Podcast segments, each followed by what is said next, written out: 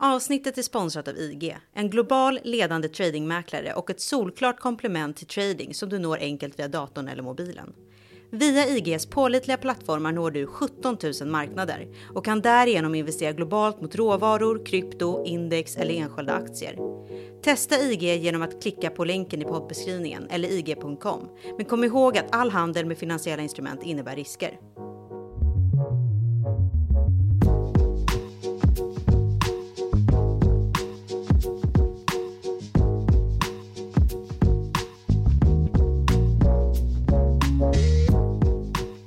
VD Elon Musks Twitterinlägg om att Tesla inte längre accepterar bitcoin som betalmedel blott en och en halv månad efter bolagets uppmärksammande ställningstagande att öppna för just elbilsköp med digitaltillgången togs emot med chock, vrede och vanmakt hos kryptovalutafalangen här på torsdagen. Priset rasade och spekulationen gick varm kring var Tesla nu skulle rikta blicken mot ett miljövänligare digitalt alternativ. Var det här bara nästa steg i Dogecoin to the Moon-kampanjen? Trots de uppmärksammade uttalanden som fällde meme-valutan under hans framträdande i Saturday Night Live. Det här är Follow the Money, en podcast om makt, storfinans och börsen av och med mig, Martin Nilsson och utrikesredaktören som heter Joakim Rönning. Idag ska vi prata om oregerliga kryptotroll, digitala banditer, marknadsmanipulatörer och en helt annan kryptovaluta som kanske är just den Elon Musk nu är på väg att fiska upp. Tja Joakim, Ja. extra podd. Vilken soppa Riktig soppa. Ja, Var, var ska man bör, börja reda ut den här soppan? ja eh, det är ju ingenting man löser upp i vasken hur som helst Det är ju helt eh, tydligt i alla fall Mhm. För vi har ju fått göra oss vana vid att det är Elon Musk som styr över vilken digital tillgång det är man ska värdera upp De senaste månaderna har väl det egentligen först och främst varit Dogecoin om man ska gå riktigt långt ut på på den slaka lina som ju digitalvalutorna ju är fortfarande Även om de ju i någon bemärkelse tycks bli allt mer etablerade Så har ju Bitcoin i form av Tesla transaktionsmedel kommit att lyftas fram då som ett tecken på att äh, men det här börjar ju ändå bli just etablerat. Så Verkligen. händer det här Ja, att man helt plötsligt vänder kappan. Ja, och på det här sättet hållet. också. Är han liksom en evan- evangelist eller kritiker till bitcoin och digitala valutor när man gör så här? Men, men backa bandet då, hur, hur Ja, det är ju så här då dit? att i slutet på mars i år så kom då beskedet från Tesla i form av ett eh, dokument som lämnats in hos amerikanska finansinspektionen SEC eh, om att Tesla då överväger att dels börja ta betalt i bitcoin, möjliggöra det, det som ett transaktionsmedel just Mm. för att köpa bil Eh, och då att man växlat in en och en halv miljard dollar till bitcoin då och satt upp på balansräkningen Mm. Sen så har ju det här också blivit en högst betydande faktor i den vinst som Tesla redo- redovisade här i kvartal 1 För trots då att det bara var några dagar kvar på första kvartalet så ledde ju den här, eh, det här ehm, Ja den här bitcoin handelskampanjen som då sattes igång eh, när man meddelade att en och en halv miljard dollar hade köpts in ehm, en ganska kraftig uppvärdering till rekordnivån, vad är det, lite över 64 000 dollar per bitcoin. Mm. Och ja, då sålde man ju också lite grann. Så elbilsbolaget Tesla blev swing trading kryptovaluta-traden istället? Det här är ju Om man hade satt in det här i en annan kontext som ju ändå är ganska närliggande I form av då börsbolag eller Sådär någon, någon annan reglerad del av finansmarknaden Så hade ju det här varit marknadsmissbruk.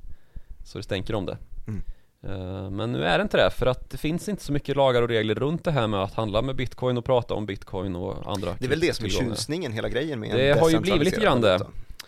Men om vi backar tillbaka till det här ställningstagandet då som kom här på torsdagen Så hänvisas ju det i sin tur då till att ehm, man på senare tid har kommit underfund med att eh, oj vad mycket energi det här drar och vad mycket dålig energi det här drar, alltså klimat klimat eh, negativ energi Var, varför skulle bitcoin vara mer klimatnegativ än en annan energi? Ja men det är ju så att eh, brytningen av bitcoin, alltså att lösa de här algoritmerna som, eh, eller algoritmerna, de här ekvationerna som vilar till grund då för den eh, blockkedja som är bitcoin Mm.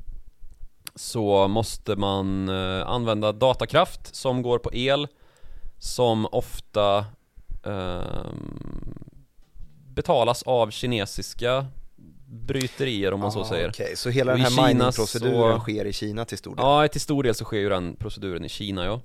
Och energimängden för då att bryta bitcoin har ju ökat eftersom att det blir svårare och svårare. Det är ju känt också då att det blir ju eh, Det krävs ju allt mer datakraft då för att utvinna en bitcoin ju längre tiden går.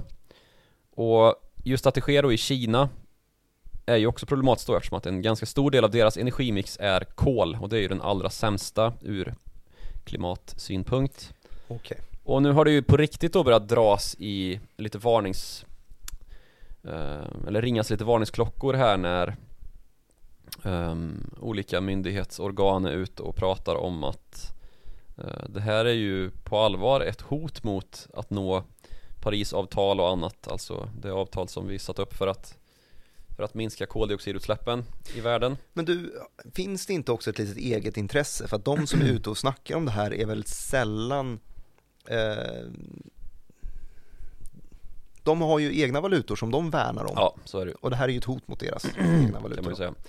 Men det är ju intressant ändå då, för då har man ju ofta har det ju dykt upp som kanske det främsta ehm, argumentet i debatten mot bitcoin har ju kanske varit då just att det är så låg visibilitet och transparensen är ju försvinnande vad det gäller de här transaktionerna Mm. Det används i ganska så hög utsträckning till, i alla fall historiskt, ehm, kriminalitet Mm.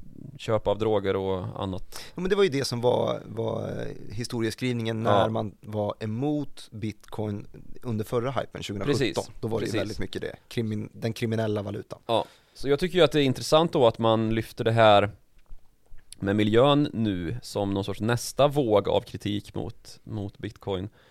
Samtidigt som den är ju jättekänd och den är ju, den, den, den är ju ganska lätt att räkna på eftersom att det går att och, ehm, estimera hur mycket energi det kommer krävas då för att utvinna den sista bitcoinen.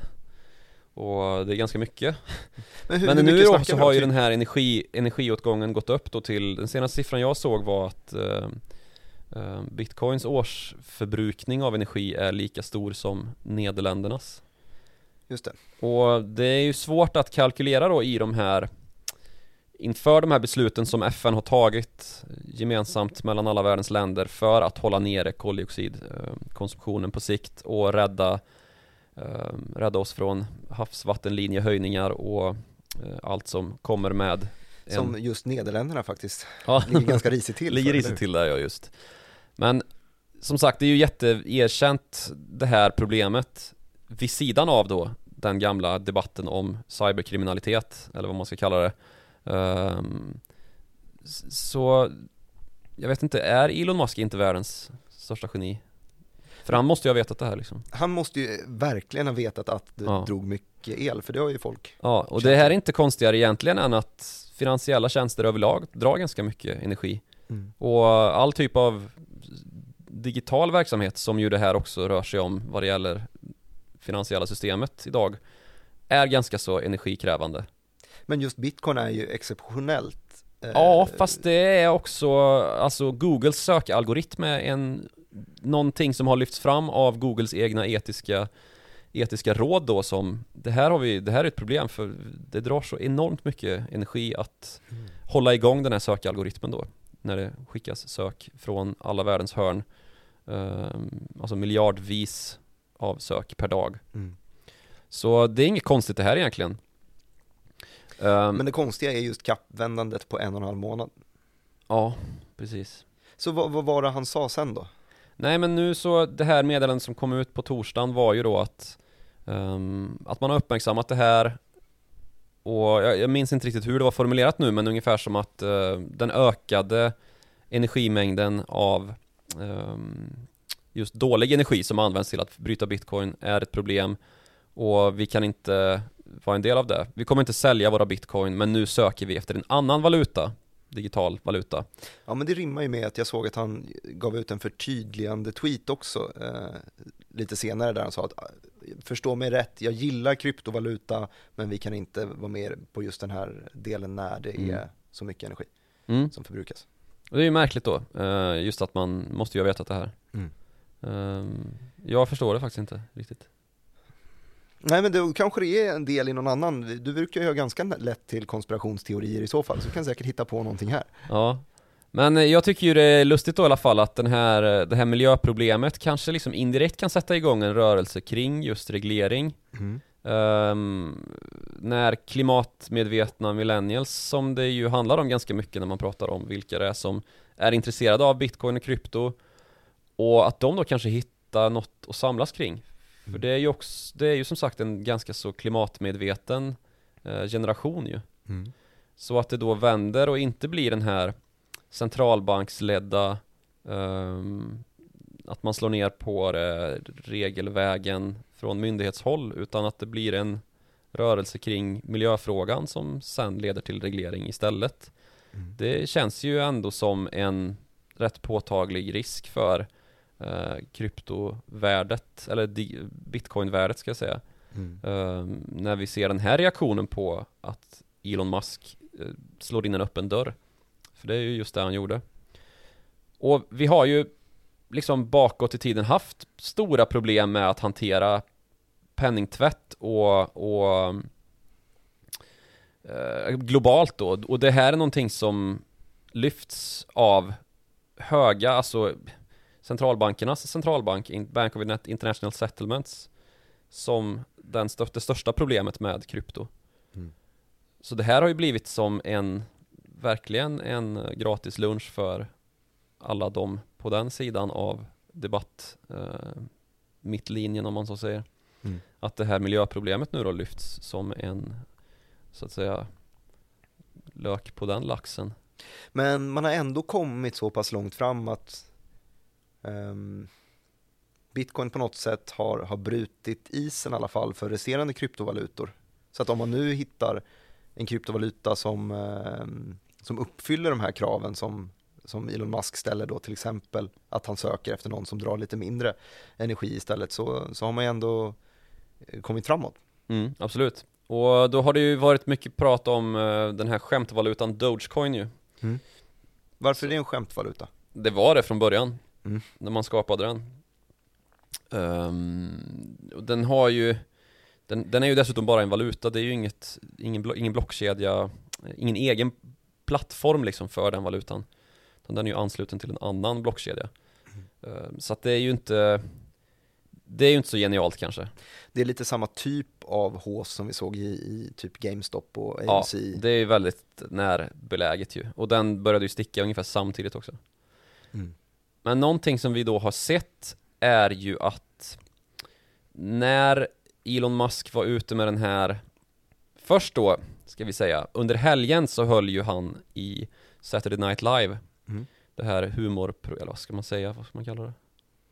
Ja men det kan väl vara lite humor. Underhållningsprogrammet Talkshow, är ja. väl bäst som går av stapel på lördagskvällar i USA. Där var ju då Elon Musk helgens programledare. Man bjuder ju in en programledare per, per avsnitt, någon form av kändis, ofta skådis eller sådär. Nu var Elon Musk där då och det var ju en ganska kraftig uppladdning i just Dogecoin då, det här, den här skämtvalutan inför hans framträdande där, för man trodde väl att oj shit, nu är det här är ju världens läge att nå ut till eh, de allra bredaste massorna via Saturday Night Live mistluren då. Så då tar vi en liten position. Då tar vi position inför det här, så det handlades ju upp ganska duktigt. Men sen så blev det ju inte alls så, för istället så gick han ju ut och så vad sa han egentligen? Han sa att, att det var en, ett hustle. alltså ett hustle, det är ju rakt översatt ett bedrägeri eller ett, ett litet, litet Han menar att det var ett, eh, en, en skämtvaluta helt enkelt. Ja, precis. Mm. Så han säger, det är lite Ja, vad ska, vad ska man kalla det? det är, han säger ju sanningar Mm. Kan man ju inte anklaga honom för något annat Och så gör han ju liksom sig själv till ett sånt jävla nättroll Mm. Och det är ju rätt kul Är det ju Absolut, förutom då de Förutom som... då att det också är ett bedrägeri och att folk råkar illa ut på grund av det här naturligtvis Mm. Eh, för det har ju blivit lite av en fuck it mentalitet kring att handla med finansiella tillgångar i ja, det senaste halvåret så har det ju tagit fart ordentligt kring just det där med GameStop-hype och Mm. allt ska handlas upp och ehm, Jo liksom men verkligen, tonen i... all in någonting Jag, jag hänger ju väldigt mycket på de olika eh, svenska aktieforumen, så glider jag runt och, och läser det mesta och ibland så är jag inne och kommenterar på läser det mesta Facebookgrupperna. På svenska marknaden så är det inte så svårt att hinna med att läsa det mesta. Um, Okej, nej, så, så där ser man ju att tonen verkligen har, har förändrats sedan GameStop håsen i alla fall. Ja. Att för, förr så kunde det vara ja, dåligt underbyggda argument eh, som typ raket-emojis eller så när Mm. man vill eh, säga varför man ska köpa en viss aktie. Men sen GameStop eh, håsen så har det smugit in istället att man helt rakt av skiter i argument och ja. snarare svarar på när någon frågar men vadå, vad, vad är caset för den här aktien? Och säger man bara ja, we like the stock. Ja. Och lite så här ironiskt menar du att, nej men fan, fuck, you, jag, vill Mm. bara äga den här och jag skiter i att kunna någonting om vad faktiskt bolaget gör eller vad, vad ett P tal är eller allt det här som gammelekonomerna gärna kretsar kring. mm. Det är ju som en, ett svar på det, det är, en, det är en typ av revolution att bara, vi handlar upp den för att det är kul. Mm. Jo, så mitt i allt det här så är det ju intressant då att, att Elon Musk gått och blivit fundamentalist eh, kring, kring bitcoins miljöproblematik. Som ju den är faktiskt så pass kännbar att man kan se i bitcoingrafen vissa eh, kursuppvärderingar som kan sättas i samband med kinesiska kolgruvras och sånt här som leder till att energi blir Ja, då måste man ju stoppa kolgruvan och då blir det dyrare energipriser Och då är det färre och då är det färre minar. som minar och så ger det en nettopositiv effekt på priset då. Mm. Så det, det här är ju väldigt, väldigt kända ja, problematiker kring Och bitcoin. är man en, en miljöfilantrop så ja, då vet man det. det här. Men eh, det är väl heller inte så himla konstigt att man upptäcker en massa bekymmer med en så här pass, ja, vad ska man säga, revolutionerande idé som ju kryptovaluta och bitcoin är. Mm. Och det finns ju en massa problem, vi har ju bara nämnt några av dem som gäller runt bitcoin. Eh, och då är det naturligtvis så att det också skapas alternativ till det. Eh, Bitcoin är ju inte den enda blockkedjan som finns där ute och det är inte den enda kryptovalutan som finns där ute. Och som sagt, nu, nu, nu jagas det ju med ljus och lykta efter då var någonstans ska Elon Musk och Tesla vända blicken härnäst då? Vilken kryptovaluta, vilken plattform, vilken blockkedja? Och man kan väl konstatera att allt har handlats ner efter den här tweeten om att Tesla ska sluta. Mm. har ju gett ett jättenegativt momentum i all typ av kryptohandel. Förutom en kryptovaluta. Vilken är det här? Ja, den heter Cardano. Varför eh, faller inte den? Eh, Den har ju då skapats av en av ethereums eh, medgrundare. Med just siktet inställt på att adressera de pro- problem som andra kryptovalutor har. Hmm. Så det här är då en kryptovaluta som har blivit rätt populär i Sverige faktiskt efter en artikel i DI Digital här för några veckor sedan. Mm.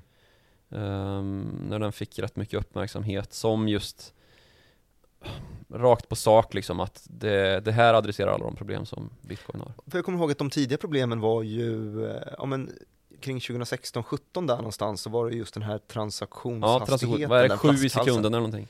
Ja men exakt, att det gjorde ju att man knoppade av och skapade bitcoin cash, de som Ja, eh, inte, ja, inte ville fastna i den problematiken. Och då lyftes ju det som ett jätteproblem för just bitcoin som jag inte tror att man har, har löst, va? Eh, Nej, nej, men men det det, det, problemet adresserar Cardano också då, eller? ja. Och um, jag tittade lite på Google Trender Mm. och Cardano är den som definitivt har högst ehm, som har ökat mest i förhållande till tidigare sökhistorik de Ja senaste men det är ju det, är ju senaste- det här klassiska, Ja, sen i torsdags då ja, procentuellt så mm. ser det jättemycket ut men det Ja. kanske inte var så mycket sen innan då. Nej, men ja, nej Men det är klart Så att den det sticker vara, ut om hela kryptosamhället faller mycket. Jag Ja. kollar på eh, de kryptorelaterade bolagen vi har på, på börsen. Vi har ju fått två stycken nya på väldigt kort tid, Goobit och Safeello till exempel. Goobit Ja. faller ganska, ganska hårt idag. Just det. Ehm, Det, det är första öppna dagen idag, fredag när vi spelar in. Eh, Eftersom det var Kristi himmelfärd så var ju börsen stängd igår. Och- Det är ju lustigt när vi har de här nya bolagen som är just kryptoplattformar som är noterade nu. Att de ska behöva, de ska försöka slåss med den etablerade finansindustrin då om och kommunicera på samma sätt som dem. Det är ju inte alltid de riktigt lyckas med det. Vad menar du då? Ehm, Ja men vi har ju det här med när Var det Goobit va som hade Ja men exakt, Goobit och eh, Safeello, båda, båda faller 10% Ja, idag. men jag tänkte Goobit hade ju ett, ett samarbete med Riksbanken va? Ja, just Eller det. hur var det nu? Ja, nej, men jag, jag vet inte exakt hur det här var. Jo, men det, det var ju så här att, eh, att Goobit hade i sitt, om det var prospektet kanske, eh, eller i alla fall inför så hade man sagt att jo men vi är ett, ett eh, krypto, ett eh, techföretag som kan krypto eh, och vi har eh, på något sätt samarbetat eller rådgivit eller varit i kontakt med Riksbanken i samband med deras utveckling av e-krona, eh, hävdade Gubbit då. Och eh, när Riksbankens press, eh, presschef fick reda på det här så sa han Först och främst så, eller först sa han bara nej och sen så sa han först och främst så håller vi inte på att utveckla någon kryptovaluta och, eh, och vi skulle heller aldrig samarbeta på det här sättet med dem. Ehm, och var väl ganska hård då eh, där att ah, nej men det, det är inte det vi håller på med här eh, och vill distansera sig då. Men det är ju såklart att eh, att man vill trycka på det om man nu har varit, jag vet inte vad som kvalificerar att man har varit i kontakt med Riksbanken i deras utveckling. Det räcker ju i princip att eh, de har funnits med på, varit inbjudna till något seminarium där man diskuterade eller något sånt där. Liksom. Ja. Eh, Men det finns ju i alla fall en gigantisk hype och det finns en törst för att legitimisera. Och det största sättet, det bästa sättet att leg- legitimisera krypto är ju att komma i kontakt med världens äldsta centralbank, Riksbanken. Det vore ju alltså det bästa någonsin om Ingves gick ut och sa att hörni, Seyfello, det är, det är årets grej. Long De har hittat det. Quickbit, det är de som kan. Och. Goobit, det är de, ja ni fattar. Alltså det är ju inte, företagen i sig, de är ju säkert lönsamma, men det är klart att man, eller lönsamma, men de är säkert, eh, företagsidéerna är det säkert inget, inget fel på överhuvudtaget, men det man gör är ju att man törstar ju efter den här legitimiteten och då försöker man dra sådana där små genvägar för att nå dit. Ja, och på tal om genvägar så kan man ju tänka i lite bredare termer då kring det här med utveckling och särskilt digital utveckling att det är ju ofta så att första vågen i en trend inte riktigt lyckas slå igenom hela vägen. Ehm, ta till exempel då att vi hade för 15 år sedan ingen i princip som visste vad Facebook var men alla visste vad MySpace var. Eh, och det var ju ingen då som trodde att äh, men Facebook det är ju de som kommer ta fanan och föra igenom hela den här digitala plattformsidén att vi ska ha en helt ny värld på med sociala medier. Utan det var ju MySpace som satt på hela den hela den eh, terrängen liksom. Men så blev det ju inte sen. Det, man, alltså Facebook sprang ju om rätt snabbt och när det väl händer så går det väldigt fort. Så du menar att bitcoin är MySpace och sen så Ja i den liknelsen så blir det ju det, du, det här är ju Facebook vet vi inte vilka det är. Nej, så är det ju. Och om det blir Cardano eller något annat liksom, det återstår väl att se. Det finns ju andra naturligtvis eh, blockkedjor och Har du eh, Cardano i din, har- i din Twitter-bio? Som Musk har bitcoin? Nej, det har jag inte. Hade bitcoin. Han, precis, han tog ju bort bitcoin också. Ja, det uppmärksammade jag tyckte det var ännu mer intressant kanske. Ehm, ja, det, eh, men som sagt, det kan bli Cardano, det kan bli bitcoin, det kan bli ethereum, det kan bli vad fan som helst. Men det finns ju också andra som har eh, just adresserat de här problemen som finns med bitcoin och sagt att eh, vi har skapat en digital valuta som, som löser i alla fall många av de problem som, som bland annat bitcoin har. Mm. Men som sagt, det är inte ovanligt att finansiella tjänster, det är ganska det är ganska sällan det uppmärksammas men det är ju stor datakapacitet som krävs idag för att lösa mycket transaktioner och det är klart att det kostar el precis som alla andra. Men det är klart att det också blir eh, man stresstestar ju varenda del av det här. För, alltså bitcoin idag är ju inte, inte en transaktionsvaluta mer än vad det är mer en, en investeringsvaluta. Eller det är så folk handlar bitcoin eh, till stor del idag. Mm. Att man vill snarare vara del av det här decentraliserade systemet, man vill vara del av den här revolutionen och man vill vara, ja, man vill haka på. Men det är inte så att man köper bitcoin för att just handla saker och sköta sina vardagliga transaktioner. Nej, det är ju liksom själva fundamentet av bitcoin, den här, vad ska man kalla det, anti-etablissemangs eh, Exakt, liksom. det är där vi är nu. Men då menar jag Hela att det kommer... finanssvängen är ju det. Ja, och det kommer ju helt nya problem sen när man plötsligt då ska sköta vardagstransaktioner med en kryptovaluta också. Då ställer ju det helt andra krav och så kommer det dyka upp problem som vi inte visste vet om idag. Ja, Eh, och det är ju också ett problem skulle jag vilja hävda att, eh, att det inte regleras, även om det skulle ta bort förblessen kring det för alla de här libertarian eh, inriktade liksom decentraliseringsstyrda eh, som, har, som hyser på de tankarna då att man ska välta hela det centralbanksstyrda finansiella systemet Mm. så kan man ju också liksom fråga sig då, men då, vi kommer ju aldrig, hur ska vi då lyckas få till en transaktionsvaluta om vi ska ha det på det sättet? För det är ju trots allt myndigheterna som är vår demokrati, kan man ju hävda liksom. Eh, icke-korrupta myndigheter är ju det vi sätter vårt hopp till när vi röstar i demokratiska val. Så att inte de också då, i for, alltså att det blir en förlängning av eh, hela folket, att inte de då också ska ha, kontroll över transaktionsmedlen är ju lite absurt. Det blir ju nära anarki alltså. Mm. Vilka får makten idag istället? Då är det Mm. de största Det blir Eh. Elon Musks eh, trollkonto på Twitter. som är, Ja, ja det kanske inte är så dumt. jag vet inte. Trevligt att leva i. Det här har ju varit ett, eh, ett extra avsnitt får vi väl säga.